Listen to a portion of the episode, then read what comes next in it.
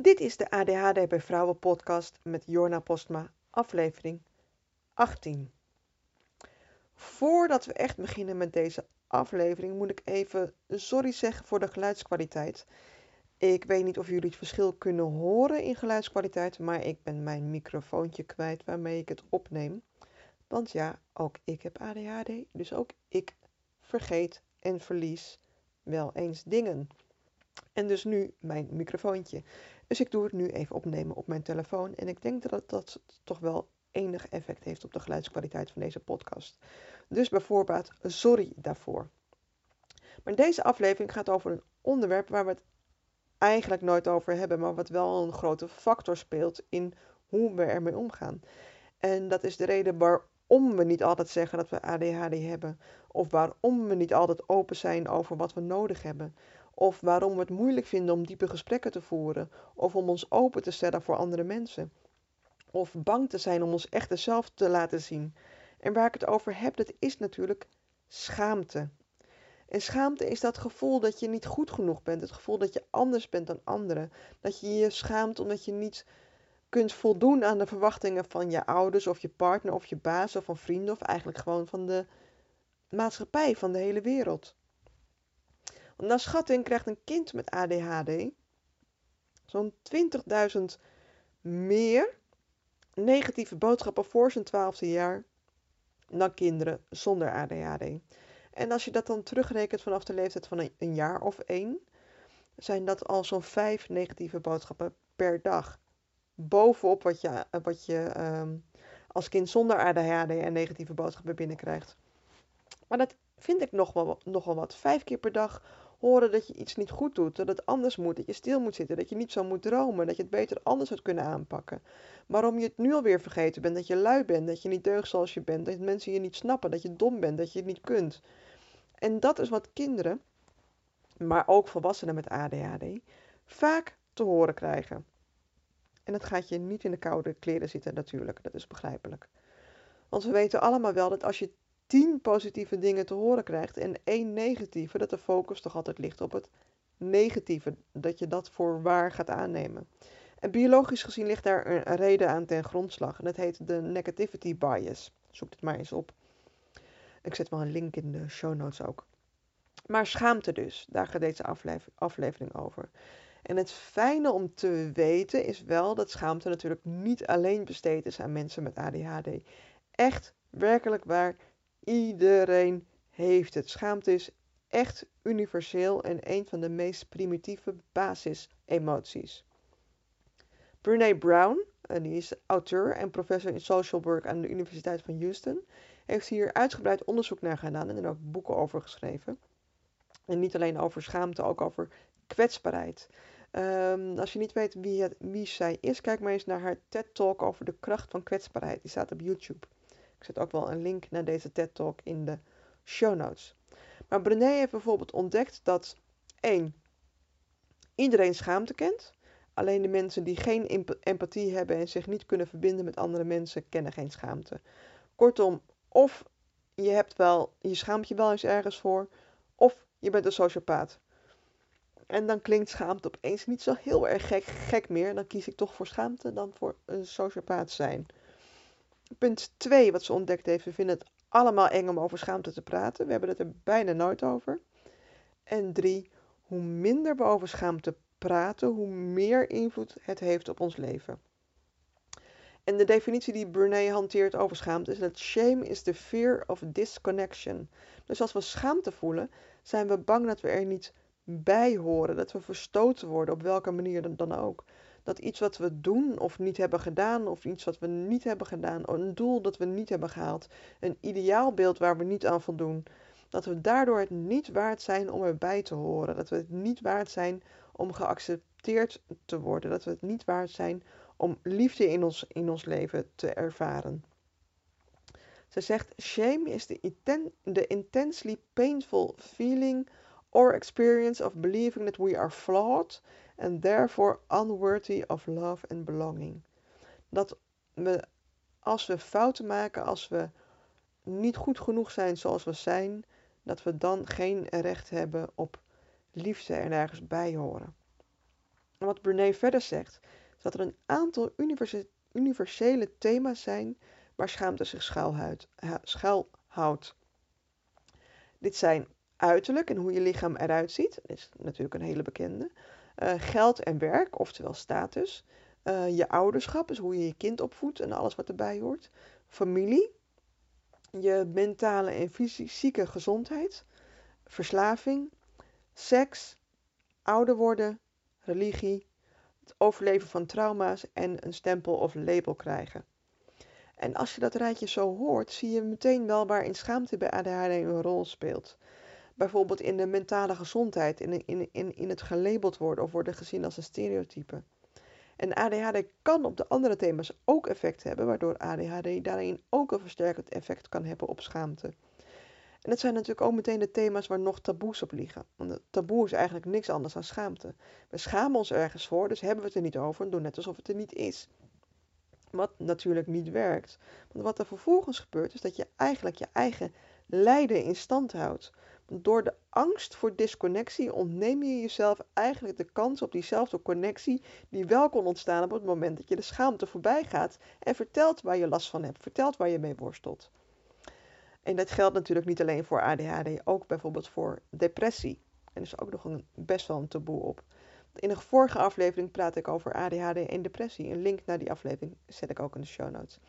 En in een van de voorgaande aflevering, afleveringen vertel ik ook waarom ik vind waarom je wel open zou moeten zijn over je ADHD. Link naar deze aflevering ook in de show notes. Het worden wel hele uitgebreide show notes zo. Maar goed, verder. Ehm, en waarom we niet open zijn over ADHD, komt natuurlijk ook neer op schaamte. Omdat je dan denkt dat je niet goed genoeg bent zoals je bent. Dat je niet deugt. Dat je dan weer die die uh, disconnectie ervaart of daar bang voor bent in ieder geval. Ik ben over mijn ADHD en over mijn depressie wel open. Betekent dat dan dat ik geen schaamte meer voel? Nee, natuurlijk niet. Dat is echt niet waar. Ik voel nog steeds schaamte om dingen te plaatsen op social media of te delen. En er zijn ook nog heel veel dingen waar ik echt nog heel veel moeite mee heb om het te delen. Zo heb ik over die aflevering over depressie. Die wilde ik al heel erg lang maken, maar ik heb best wel lang uitgesteld. Voor mij doen in, ieder geval. En bijvoorbeeld ook, ik heb van de week mijn allereerste YouTube-video opgenomen en geplaatst. Video duurt maar een paar minuten, stelt allemaal niet zo heel erg veel voor in het grote geheel van het leven. Maar toch heb ik het maken van deze video maanden uitgesteld. Echt niet overdreven, maanden. Maar waarom? Schaamte, omdat er meteen allemaal kremlins op mijn nek springen in mijn oren, tetteren dat ik niet goed genoeg ben wie ik dan wel niet denk dat ik ben, die denkt dat er ook maar iemand op zit te wachten. Dat de andere mensen het veel beter kunnen, zo'n video maken. Dat ik eigenlijk eerst die opleiding voor videomaken zou moeten doen voordat ik iets online plaats. En meer van dat soort verlammende teksten, waarom ik het vooral niet zou, moet, zou moeten doen. Maar daaronder ligt natuurlijk gewoon schaamte. Dat mensen er iets van vinden en dat je daardoor die disconnectie ervaart. Dat je voelt dat je er niet bij hoort, dat je buiten de, buiten de groep wordt geplaatst. Maar dat is schaamte. Dat is puur schaamte. Dat je door iets te doen, in dit geval de video plaatsen, dat ik daardoor geen recht heb op liefde en ergens bij horen. Dat ik nu verstoten ga worden. Dat ik daardoor, door mijn mening te verkondigen, dat ik dan niet geaccepteerd ga worden. En in de praktijk gebeurt het natuurlijk niet. Nou ja, natuurlijk niet. Er, worden ook vooral op internet en op social media ook best wel eens nare reacties geplaatst onder video's en onder een social post. Het is mij persoonlijk nog nooit overkomen, maar goed, het gebeurt wel. En die Kremlins weten precies op die pijnpunten te gaan zitten, precies die pijnpunten te benoemen waar je, waar je kwetsbaar bent. En um, in de show notes heb ik een, kleine, een kleine verklaring, een kleine um, beschrijving over wat die Kremlins dan zijn. Voor, voor het geval je niet, niet precies weet of snapt waar ik het over heb als ik het over die Kremlins heb. Want het is natuurlijk niets meer en niets minder dan, je interne dialoog. En door er een plaatje van, van te maken van een Kremlin, van een monstertje, uh, wordt het acceptabel omdat je dan niet meer zelf bent. Maar goed, in de, in de show notes dus. Uh, van de week kreeg ik een reactie van iemand die mij een ADHD-activist noemde. Positief bedoeld. En die hoopte dat zij misschien ook ooit nog eens wat meer activistisch zou kunnen zijn. En uit dat stukje spreekt natuurlijk ook wel een stukje schaamte. Omdat je het gevoel kan hebben dat dat kan leiden tot verstoting. Dat is in ieder geval hoe je het voelt. En uit onderzoek blijkt dat fysieke pijn en de pijn van verstoting voor je brein geen verschil maakt. Het doet echt pijn. En kan daardoor ook trauma's veroorzaken. Uh, kijk bijvoorbeeld, bijvoorbeeld naar de mensen die heel erg gepest zijn als kind. Dat zijn echt trauma's waar ze op latere leeftijd nog echt daadwerkelijk last van hebben. En zich over schamen. En ik draag die naam ADHD-activist natuurlijk met trots, dat begrijp je wel. Maar wil je dan zeggen dat ik geen schaamte meer voel over mijn ADHD? Mm, dat weet ik niet. Ik geloof het niet. Ik heb het idee van niet. En gek genoeg komt het eigenlijk door de diagnose dat ik die schaamte daarover niet meer zo voel. Uh, want voor de diagnose heb ik heel erg veel schaamte gevoeld. Omdat ik dacht dat het aan mij lag. Omdat ik altijd heb gevoeld dat ik anders was en anders dacht. En ook wel gevoeld heb dat ik daardoor niet goed genoeg was op een bepaalde manier. Juist omdat ik op een andere manier dacht en op een andere manier deed. En juist om er wel bij te horen, heb ik heel erg lang geprobeerd te verbergen. Uh, dat ik op een andere manier denk en doe. Door te proberen gewoon te zijn, net als alle anderen. Want dan zouden mensen me wel accepteren. Althans, dat was het dat twisted uh, brein van mij dat op die manier denkt. En volgens de definitie van schaamte zat ik hier natuurlijk echt tot aan mijn oksels in. Want omdat ik anders was, verdiende ik het niet om erbij te horen, verdiende ik het niet om geaccepteerd te worden. Dus probeerde ik gewoon te zijn, wat dan, wat dan gewoon dan ook mogen zijn. Want dan verdiende ik het wel. Krom, hè? Zo raar? En dat is eigenlijk hoe heel erg veel mensen hun leven leiden. Zoals gezegd ken ik zeker ook nog wel schaamte. En ben ik tegelijkertijd dus die ADHD-activist en op de barricades. Maar ehm, Nelson Mandela heeft hier een hele mooie quote over. Uh, die zei: I learned that courage is not the absence of fear, but the triumph over it. The brave man is not he who does not feel fear, but he who conquers that fear. Dus de uh, moed betekent niet dat je geen angst voelt. Moed betekent dat je die angst wel voelt, voelt maar er, doorheen gaat, het even goed gaat doen. En schaamte is dus die angst. Schaamte is die angst van wat zullen anderen er wel niet van vinden. En in het geval van ADHD, I don't care. Het maakt me volgens mij, wat ik nu kan bedenken, echt, echt, echt niet uit wat andere mensen vinden van dat ik ADHD heb. En de eerste keer wel, wel de eerste post die ik erover plaatste op Facebook, de eerste blog die ik schreef, de eerste podcast die ik opnam en nu de eerste YouTube-video die ik plaatste. Dood en dood en dood en dood en dood eng vond ik het. Echt, echt waar. Waardoor het toch te doen, word ik wel iedere keer een stukje sterker daarin. De schaamte is er nog, maar ik heb geleerd er beter mee om te gaan, het uh, te benoemen. Uh, Brene Brown noemt dat uh, shame resilience, dus veerkracht. Ehm, zij noemt het expres niet dat je, over, of dat je, dat je bestand bent tegen schaamte, of dat je schaamte nooit meer kan voelen, maar dat je wel de schaamte voelt, dus de veerkracht hebt. De veerkracht om terug te komen, om het toch te doen. Om je niet te laten verlammen door de schaamte. En ik doe dat trouwens overigens niet in mijn eentje. Ik leef niet in een vacuüm. Ik heb ook mensen om me heen. En ik ben bijvoorbeeld heel erg dankbaar voor de mensen in mijn leven die er voor me zijn. Als die hiervoor genoemde Kremlins op mijn nek springen. Als die in mijn oor tetteren dat ik niet goed genoeg ben. En het enige wat ik dan hoef te doen is een, is een uh, WhatsAppje sturen met Kremlin Alert. En uh, meteen zijn zij er om me te helpen benoemen. Me een zachte schop onder mijn kont te geven. Me te laten lachen. Me niet langer achter dit soort excuses te laten verstoppen.